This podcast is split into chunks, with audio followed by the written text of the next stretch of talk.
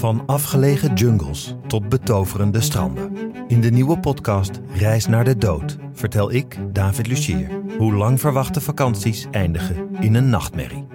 Iedere donderdag staat er een nieuwe aflevering klaar. Exclusief te beluisteren op Podimo. Ga naar podimo.nl slash reis naar de dood en luister één maand gratis naar al je favoriete podcasts. Triggerwaarschuwing.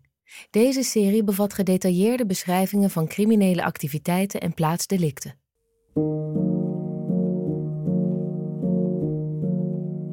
Het is het jaar 2000. Het digitale tijdperk staat op het punt te beginnen. Met de komst van het internet kunnen bedrijven van over de hele wereld hun producten niet alleen in de winkels, maar ook online verkopen. In Dieren Speciaalzaak in Londen krijgt een online bestelling binnen. Een klant uit Leeds bestelt zes halsbanden en rekent ze af met zijn creditcard. De winkelier is in zijn nopjes. Een klant helemaal aan de andere kant van Engeland. Hij zoekt de halsbanden in het magazijn, pakt ze in en print de pakbon. Hij verpakt de bestelling in een kartonnen doos en beplakt die met een label waarop het adres van de klant staat. De gegevens van de klant slaat hij op in zijn groeiende online database. Maar wat de medewerker niet weet, is dat deze halsbanden het bewijs zullen zijn voor een moord die op dat moment nog niet gepleegd is. Deze halsbanden zijn van levensbelang bij het identificeren van een moordenaar die dacht dat zijn misdaden ongestraft zouden blijven.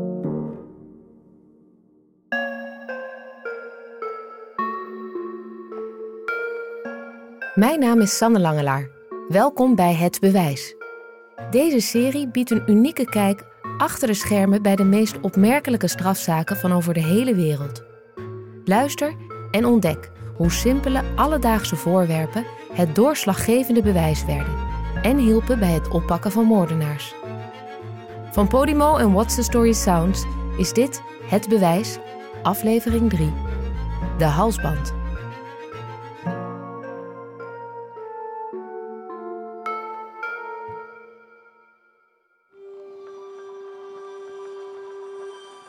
Zondag 26 november 2000.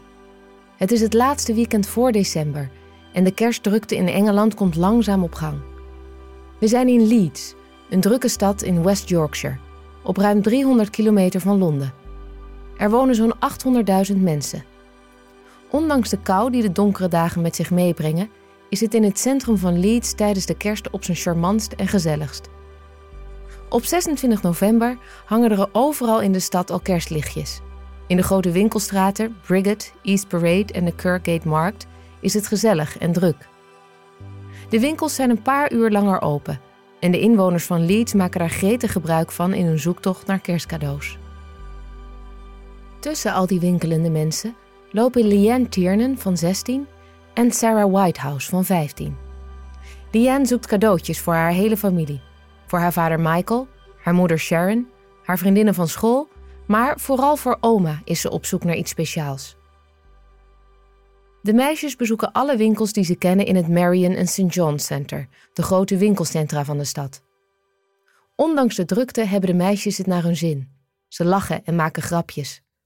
Na een paar uur winkelen hebben ze al hun cadeaus verzameld. Zonder geld, maar met een berg cadeaus, lopen de meisjes terug naar het busstation midden in de stad. Daar wachten ze op de bus naar hun woonplaats Bramley. Bramley is een klein stadje op ongeveer 6 kilometer van het centrum van Leeds. Met de bus doe je er zo'n 20 minuten over. Bramley is gebouwd in de hoogtijdagen van de industrie en dat zie je overal in het stadje terug. In de bakstenen huizen wonen mensen die naar elkaar omkijken. Het is een stad waar iedereen weet wat er speelt. In de bus bekijken de vriendinnen hun aankopen. Liane heeft een ketting voor Sarah gekocht die ze zelf mocht uitzoeken in de winkel. Liane laat Sarah de ketting even bewonderen, maar blijft streng. Pas op 25 december mag Sarah haar cadeautje openmaken. Omdat de meisjes het zo gezellig hebben in de bus, besluit Liane drie halters eerder uit te stappen. Zo kan ze een stuk langer met Sarah meelopen. En op die manier weet ze ook zeker dat Sarah, die een jaar jonger is, veilig thuis komt. Om tien over half vijf middags stappen Liane en Sarah uit bij hun bushalte. Ze lopen samen richting Sarah's huis. Het is al donker. Bij het licht van een lantaarnpaal nemen de vriendinnen afscheid en lopen ze ieder hun eigen kant op. Ze draaien zich nog één keer om en zwaaien naar elkaar. Om tien voor vijf zwaait Sarah voor het laatst naar Leanne terwijl ze verder loopt naar huis. Om thuis te komen moet Leanne door Holy Gill lopen, een verlaten bos aan de rand van Bramley. Sarah merkt op dat het er donker is en dat er ook geen lantaarnpalen langs de weg staan. Maar de route is bekend terrein. Ze hebben allebei al miljoenen keren door Holy Gill gelopen, net als iedereen in Bramley. En terwijl Sarah hieraan denkt, verdwijnt Liane langzaam maar zeker uit het zicht. Sarah komt thuis, zet haar tassen onderaan de trap en trekt haar jas uit. Ze heeft het warm gekregen van de wandeltocht. In de keuken praat ze even met haar moeder, maar al snel gaat ze naar haar kamer. Daar belt ze Liane om te kijken of ze al thuis is. Het is inmiddels half zes. De vriendinnen hebben een half uur geleden afscheid genomen. De route naar Liane's huis duurt ongeveer 20 minuten en is een kilometer lang. Maar tot Sarah's verbazing neemt niet Liane, maar haar moeder Sharon de telefoon op. Liane is nog steeds niet thuis. De huizen van de familie Whitehouse en Tiernan zijn ongeveer even ver lopen vanaf de bushalte. Liane zou zelfs nog eerder thuis kunnen zijn dan Sarah. Sarah merkt meteen dat de stem van Sharon geschrokken en bezorgd klinkt. Vooral wanneer Sarah haar vertelt dat Liane de route door het onverlichte Holy Gill heeft genomen, raakt Sharon in paniek. Sharon hangt op en belt Liane op haar mobiel. De telefoon gaat over. En over. En over. Twintig keer hoort Sharon het zoomgeluid van haar telefoon, maar uiteindelijk houdt het geluid op. Sharon probeert het opnieuw. Deze keer gaat de telefoon van Liane vier keer over voordat de verbinding verbroken wordt. Er is iets mis. Liane is niet het type kind dat zonder iets te zeggen verdwijnt. Ze is zelfverzekerd en kent haar weg in de stad, dat zeker. Maar ze is niet roekeloos. Liane's ouders trekken snel hun jassen aan, nemen zaklampen en telefoons mee en gaan naar buiten. Ze lopen het donker in, naar het duistere Holy Gill. Anderhalf uur lang zoeken ze Liane en roepen ze haar naam. Misschien is ze wel gevallen en kan ze niet verder. Misschien is ze verdwaald. Of misschien is er iets veel ergers gebeurd. Zelfs met hun zaklampen zien ze nauwelijks iets in het donkere bos. Op het roepen van Liane's naam komt nooit een antwoord. En dus belt Sharon om 7 uur de politie. De politie komt snel in actie. Normaal gesproken wordt er bij vermissingen eerst gekeken of de persoon binnen 24 uur uit zichzelf terugkomt. Maar dit is een jong meisje. Een jong meisje dat als laatst op een donkere, spookachtige locatie in het bos is gezien en er nooit meer uit is gekomen. De agenten bespreken met de ouders van Liane alle details over haar weg naar huis. Ze proberen iedereen gerust te stellen. Blijf kalm, zo zeggen ze. Jonge meisjes hebben wel vaker geheime levens waar hun ouders niks van af weten. Misschien heeft ze wel een geheim vriendje. Of misschien is ze op bezoek bij een vriendin en de tijd vergeten. Maar de uren verstrijken en al Liane's vrienden zijn inmiddels gebeld. Niemand weet waar het meisje is. Ze moet gevonden worden. Zo snel mogelijk.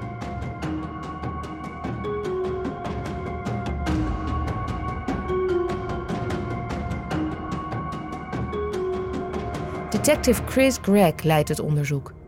Zodra het ochtend wordt, stuurt hij zijn agenten naar Holy Gill en door de straten van Bramley. Het blijkt een moeilijk zoekgebied. Niet alleen het dichtbegroeide bos, ook het stadje is een uitdaging. Straten die naar boven en beneden kronkelen, over spoorlijnen en langs een rivier die uitkomt in een groot kanaal. Na het einde van de eerste zoekdag is er nog steeds geen spoor van Liane. Wat is er met haar gebeurd?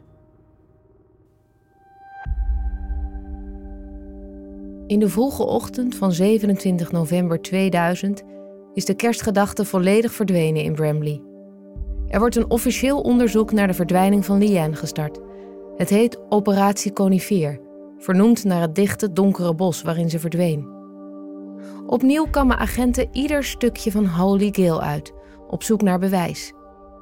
Liane's telefoon bijvoorbeeld, of haar paraplu. Ze zoeken zelfs naar de glinstering van juwelen tussen de takken en bladeren. De ketting die Liane voor Sarah had gekocht, moet hier toch ergens zijn. Al snel wordt duidelijk dat met alleen zoeken Liane niet gevonden gaat worden. Detective Greg zoekt hulp bij forensische onderzoekers. Zo kan het team nog gedetailleerder zoeken. Niet alleen in Holy Gale wordt naar bewijs gezocht. De onderzoekers bezoeken ook Liane's huis. Ze vinden haar vingerafdrukken op haar dagboek en verzamelen DNA-monsters van het speeksel op haar tandenborstel. De zoektocht naar Liane is inmiddels een van de grootste zoekacties in West Yorkshire. Meer dan 200 agenten zoeken naar haar. En vanuit alle hoeken. Er wordt vanuit de lucht gezocht, onder water. Honden proberen haar geur op te vangen. Het afval van inwoners wordt tijdelijk niet opgehaald, zodat in de vuilnisbakken gezocht kan worden. De politie zoekt in meer dan 1400 huizen langs Liane's route. Neemt DNA af van meer dan 140 mannen uit de buurt die bekend zijn bij de politie. Met 12 huiszoekingen worden verschillende locaties in Leeds doorzocht. In de huizen van dealers, bendeleden en ontvoerders. Een rijke zakenman uit de buurt looft een beloning van 10.000 pond uit voor informatie die naar Liane kan leiden. En een supermarktketen drukt haar foto af op melkverpakkingen. Maar Liane is nergens te vinden. En hoe meer mensen naar haar zoeken, hoe lastiger het wordt. Want met al die zoekende mensen blijft er overal DNA liggen. In sigarettenpeuken, elastiekjes, schoenen en haarspeltjes. En dus blijft het forensisch team alles doorzoeken. Maar niks leidt naar Liane. Op 3 december is Liane een week vermist. Opnieuw loopt een jong meisje in het donkere Holy Gale binnen op een gitzwarte avond. Het is een mediareconstructie die aan het publiek moet laten zien waar Liane die laatste avond gelopen heeft.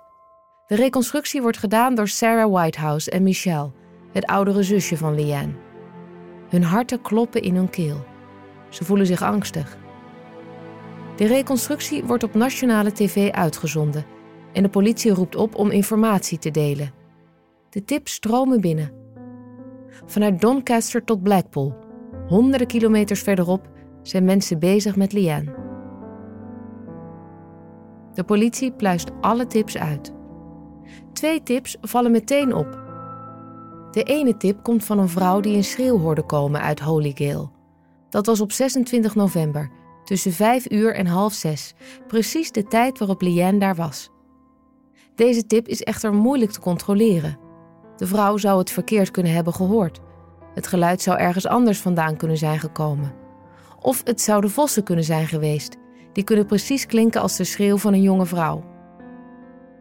De andere tip is nog belangrijker voor de politie.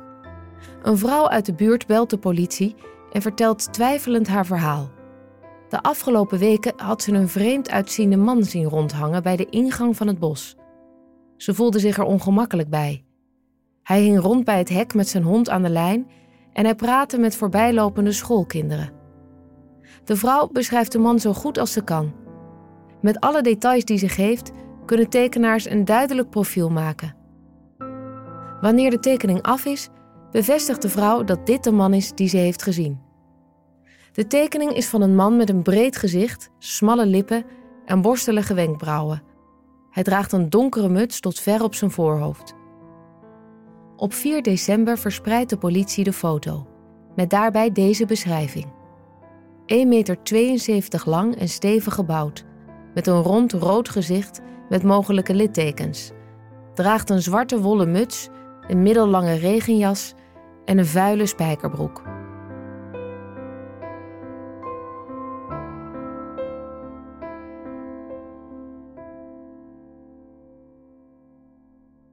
Terwijl de politie wacht tot iemand de man herkent, stoppen en controleren ze iedereen die ze met een hond in het bos zien lopen. En iedereen die ze ondervragen, wordt uiteindelijk vrijgelaten. Dagen worden weken en weken worden maanden. Liane is nog steeds vermist. De hoop dat ze nog levend gevonden gaat worden, wordt met iedere dag die voorbij gaat kleiner en kleiner. Op 28 augustus 2001, negen maanden na de verdwijning van Liane, wandelt Mark Bissen met zijn hond door Lindley Woods. Het is een rustig bos, op zo'n 25 kilometer van Bramley. Het is een mooie dag. Het is droog en licht en de zon schijnt tussen de takken. Op zoek naar avontuur snuffelt Marks hond tussen de bladeren. Plots focust hij op een achtergelaten vuilniszak met rotzooi, onderaan een boom even verderop. Geïrriteerd roept Mark zijn hond om niet bij de rotzooi in de buurt te komen. Maar als hij dichterbij komt om zijn hond terug te trekken, ziet hij dat de hond op iets vreemds is gestuurd. Er ligt een vuile deken en vuilniszakken die bij elkaar zijn geknoopt met een touw. De stapel zakken stinkt verschrikkelijk. Mark trekt het plastic van een van de zakken en ontdekt meteen waar de stank vandaan komt. Zijn hond heeft een lijk gevonden.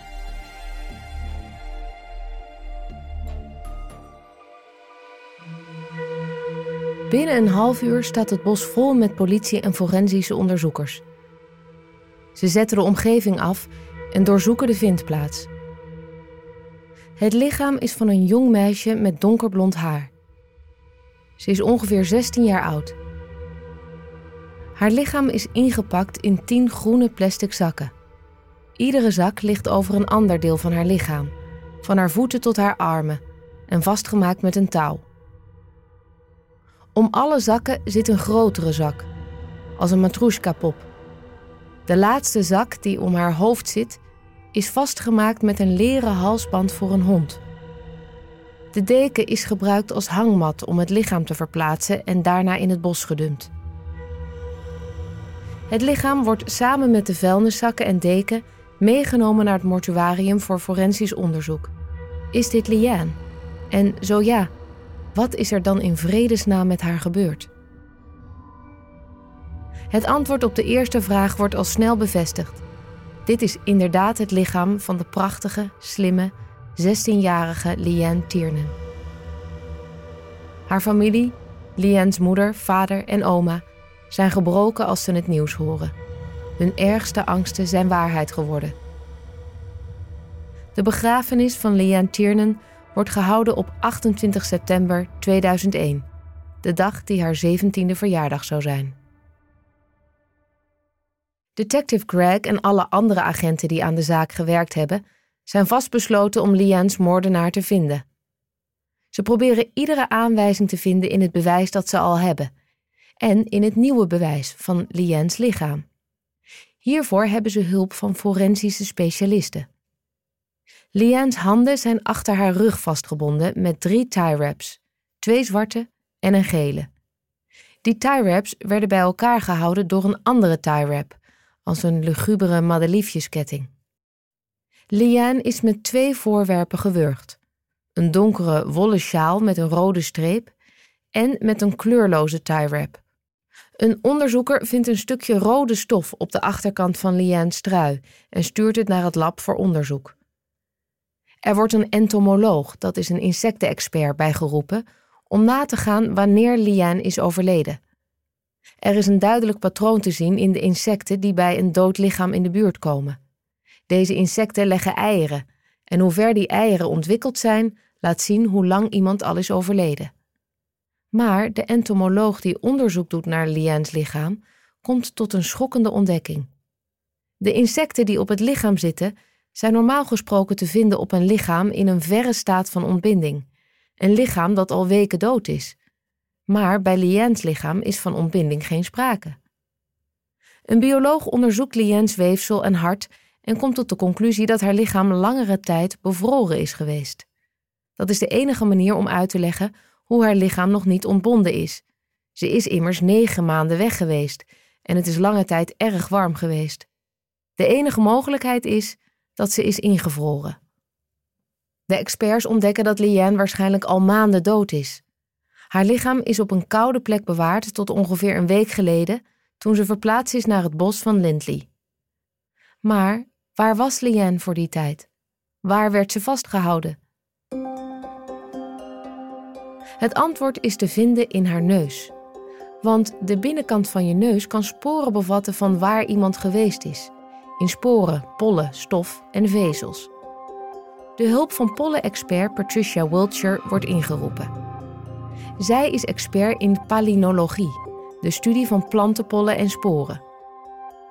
De pollen die in iemands neus, haren en op hun kleding gevonden worden, kunnen aanwijzingen geven over specifieke planten die op die plek groeien, in welke tijd van het jaar en welke omgeving. Hierdoor kan de palinoloog zien op welke locatie iemand is overleden. In de neus van Liane vindt Dr. Wiltshire sporen van paddenstoelen, bloeiende bomen en verbrand hout. Met al deze details maakt Dr. Wiltshire een profiel van de plek waar Liane is geweest voordat ze in het bos werd achtergelaten. Ze beschrijft een bloeiende tuin, waarschijnlijk onverzorgd, met een kampvuur of een andere plek om dingen te verbranden. Ze kan zelfs zien dat Liane op een plek was met een ligusterhaag, een pruimenboom en met veel grassen. Een prachtig staaltje forensisch onderzoek, maar nog niet het keiharde bewijs waar de politie naar op zoek is. De tie wraps kunnen nog steeds aanwijzingen bevatten. Waar zijn ze gemaakt? En waar worden ze verkocht? Voor het touw geldt hetzelfde verhaal. Komt het van een specifieke bouwmarkt? Het touw blijkt inderdaad van een uniek type te zijn en wordt alleen gemaakt bij een bedrijf in Devon. Meestal maakt dit bedrijf alleen producten voor het ministerie van Defensie, maar een kleine mislukte partij is ook aan particulieren verkocht. Het touw wordt vooral gebruikt voor netten om konijnen te vangen. Het touw van deze specifieke partij is een identieke match met het touw dat gebruikt is op Liane's lichaam. Er zijn miljoenen van de gele tie wraps gemaakt door een Italiaans bedrijf. Maar 90% daarvan wordt gebruikt door de Engelse post. Zou de dader een medewerker van het postbedrijf kunnen zijn? Misschien een postbode.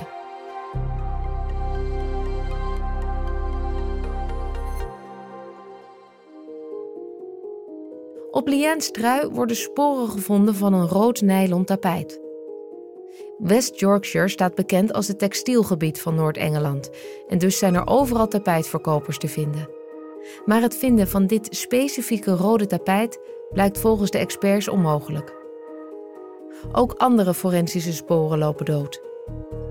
Omdat Liane al zo lang dood is, is het onmogelijk om DNA of vingerafdrukken van de dader op haar lichaam te vinden. Maar op de deken worden wel belangrijke sporen gevonden. Dierenharen. De haren zijn kort en hebben dezelfde kleur, wat betekent dat ze van één dier afkomen. En volgens de experts moet dit het haar van een hond zijn. Dus zouden hondenharen kunnen worden getest op DNA? In het Verenigd Koninkrijk is dat nog nooit gebeurd, maar in Amerika zijn wel al hondenharen op DNA getest. Forensisch detective Peter Grant is naar Texas gereisd om het DNA van de hond te testen. Er worden twee haren onderzocht en dit leidt tot een DNA-profiel van de hond. Ondertussen blijkt dat de halsband is gemaakt in Nottingham.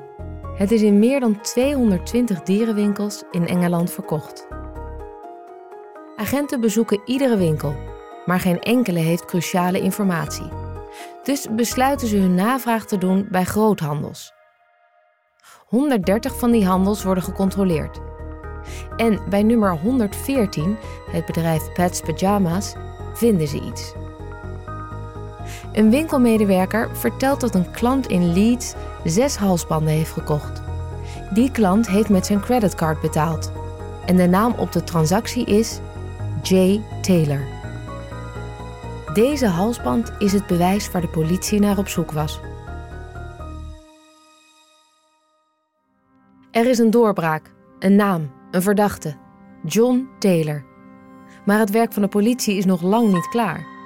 Ze kunnen alleen maar hopen dat het forensisch bewijs dat ze verzameld hebben matcht met de verdachte.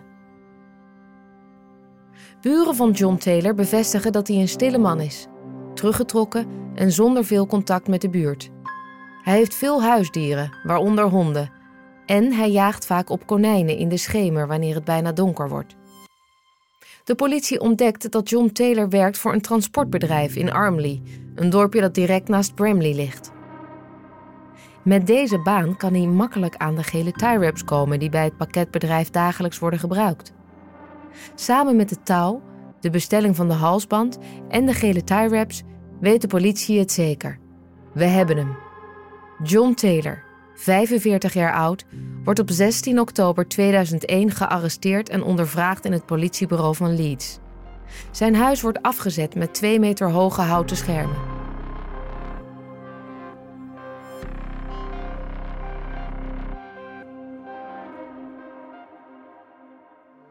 De politie begint aan de zoektocht. Ze graven in de tuin en vinden er de lichamen van 28 fretten en de skeletten van vier honden. Een van hen heeft een ingeslagen schedel. Detective Greg zal later tegen de politie zeggen: Taylor lijkt misschien een gewone man, maar dat is hij niet. Hij heeft een ontzettend gevaarlijke aard. Dat is te zien in de manier waarop hij zijn hele leven dieren behandeld heeft. In zijn huis wordt geen tapijt gevonden. Sterker nog, het lijkt alsof het tapijt recent verwijderd is. Er worden lijmresten en stukjes stof gevonden in de hoeken van de kamer. Degene die het tapijt verwijderd heeft, heeft dat niet heel secuur gedaan. De stukjes stof in de hoeken zijn rood, precies de kleur van de stof die op Liane's trui zat. Hangend aan een hek in de tuin vindt de politie dezelfde wraps als die op Liane's lichaam zijn gevonden. En een net voor een konijnenval in de tuin is gemaakt van hetzelfde touw als aan de vuilniszakken. Het lijkt wel het oplossen van een lugubere kruiswoordpuzzel. En de stukjes vallen langzaam maar zeker steeds meer op hun plek. Zelfs de tuin voldoet precies aan het profiel dat Dr. Wiltshire gemaakt heeft. In de tuin staat een pruimenboom, waarvan de pollen in Lien's neus gevonden zijn. Ook vindt de politie nog twee halsbanden. Met zoveel bewijs tegen hem bekent John Taylor vrijwel meteen schuld. Maar, zo zegt hij, Liane's dood is een ongeluk geweest. Taylor vertelt aan de politie dat hij Liane was tegengekomen in Holy Gill en de behoefte had gekregen om haar mee naar huis te nemen. Hij wikkelde haar in zijn jas, trok de capuchon strak over haar hoofd en liep twintig minuten met haar naar zijn huis in Armley. Daar had Liane teruggevochten, was ze gevallen en had ze haar hoofd gestoten. Volgens Taylor lag er overal bloed en was Liane daardoor gestorven. Het forensisch bewijs klopt alleen totaal niet met de verklaring van Taylor. Liane was gewurgd. De tie-wrap om haar nek die haar luchtpijp had afgesloten, had nog maar een diameter van 10 centimeter. Het was een brute moord, die op geen enkele manier leek op iemand die zijn hoofd gestoten had. En het was al helemaal geen ongeluk. De getuige die de tip gegeven had over een meisje dat schreeuwde in het bos, herkent Taylor gelijk. Daardoor lijkt het nog aannemelijker dat dit de dader is. Maar waar is de hond met wie hij gezien was? De politie vindt deze in Taylors achtertuin. Hij was begraven. Taylor had de hond het hoofd ingeslagen met een slagersmes nadat de politie zijn signalement had verspreid. Ze waren immers op zoek naar een man met een hond.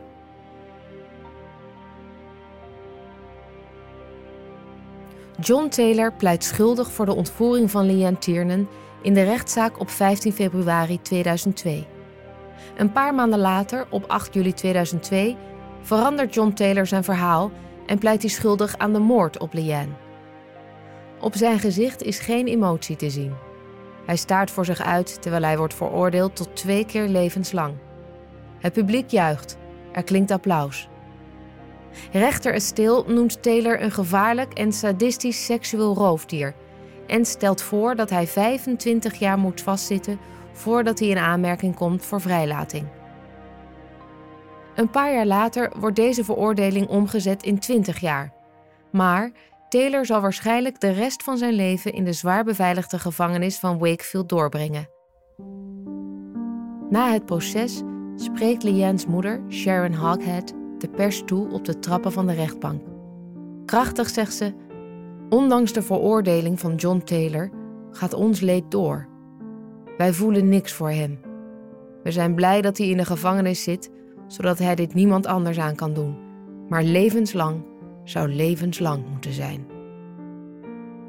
Na Taylors veroordeling worden nog tien cold case onderzoeken van moorden en aanrandingen in West Yorkshire geopend.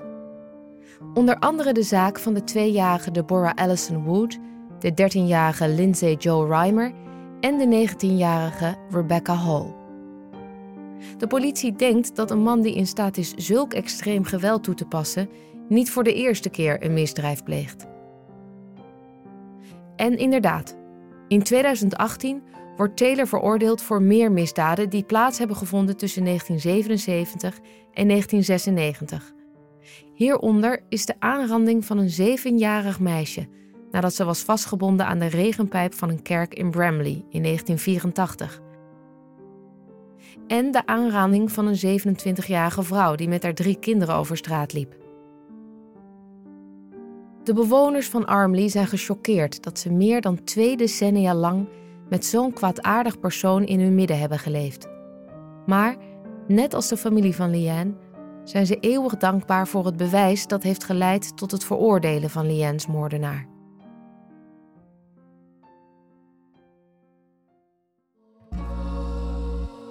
Dit was de derde aflevering van Het Bewijs, de Nederlandse bewerking van de Engelse podcast Smoking Gun. De serie is gemaakt met ondersteuning van de British Society of Forensic Science, geproduceerd door What's the Story Sounds, vertaald door Andrea Huntjens en verteld door mij, Sanne Langelaar. Het Bewijs is een productie van Dag en Nacht Media in opdracht van Podimo.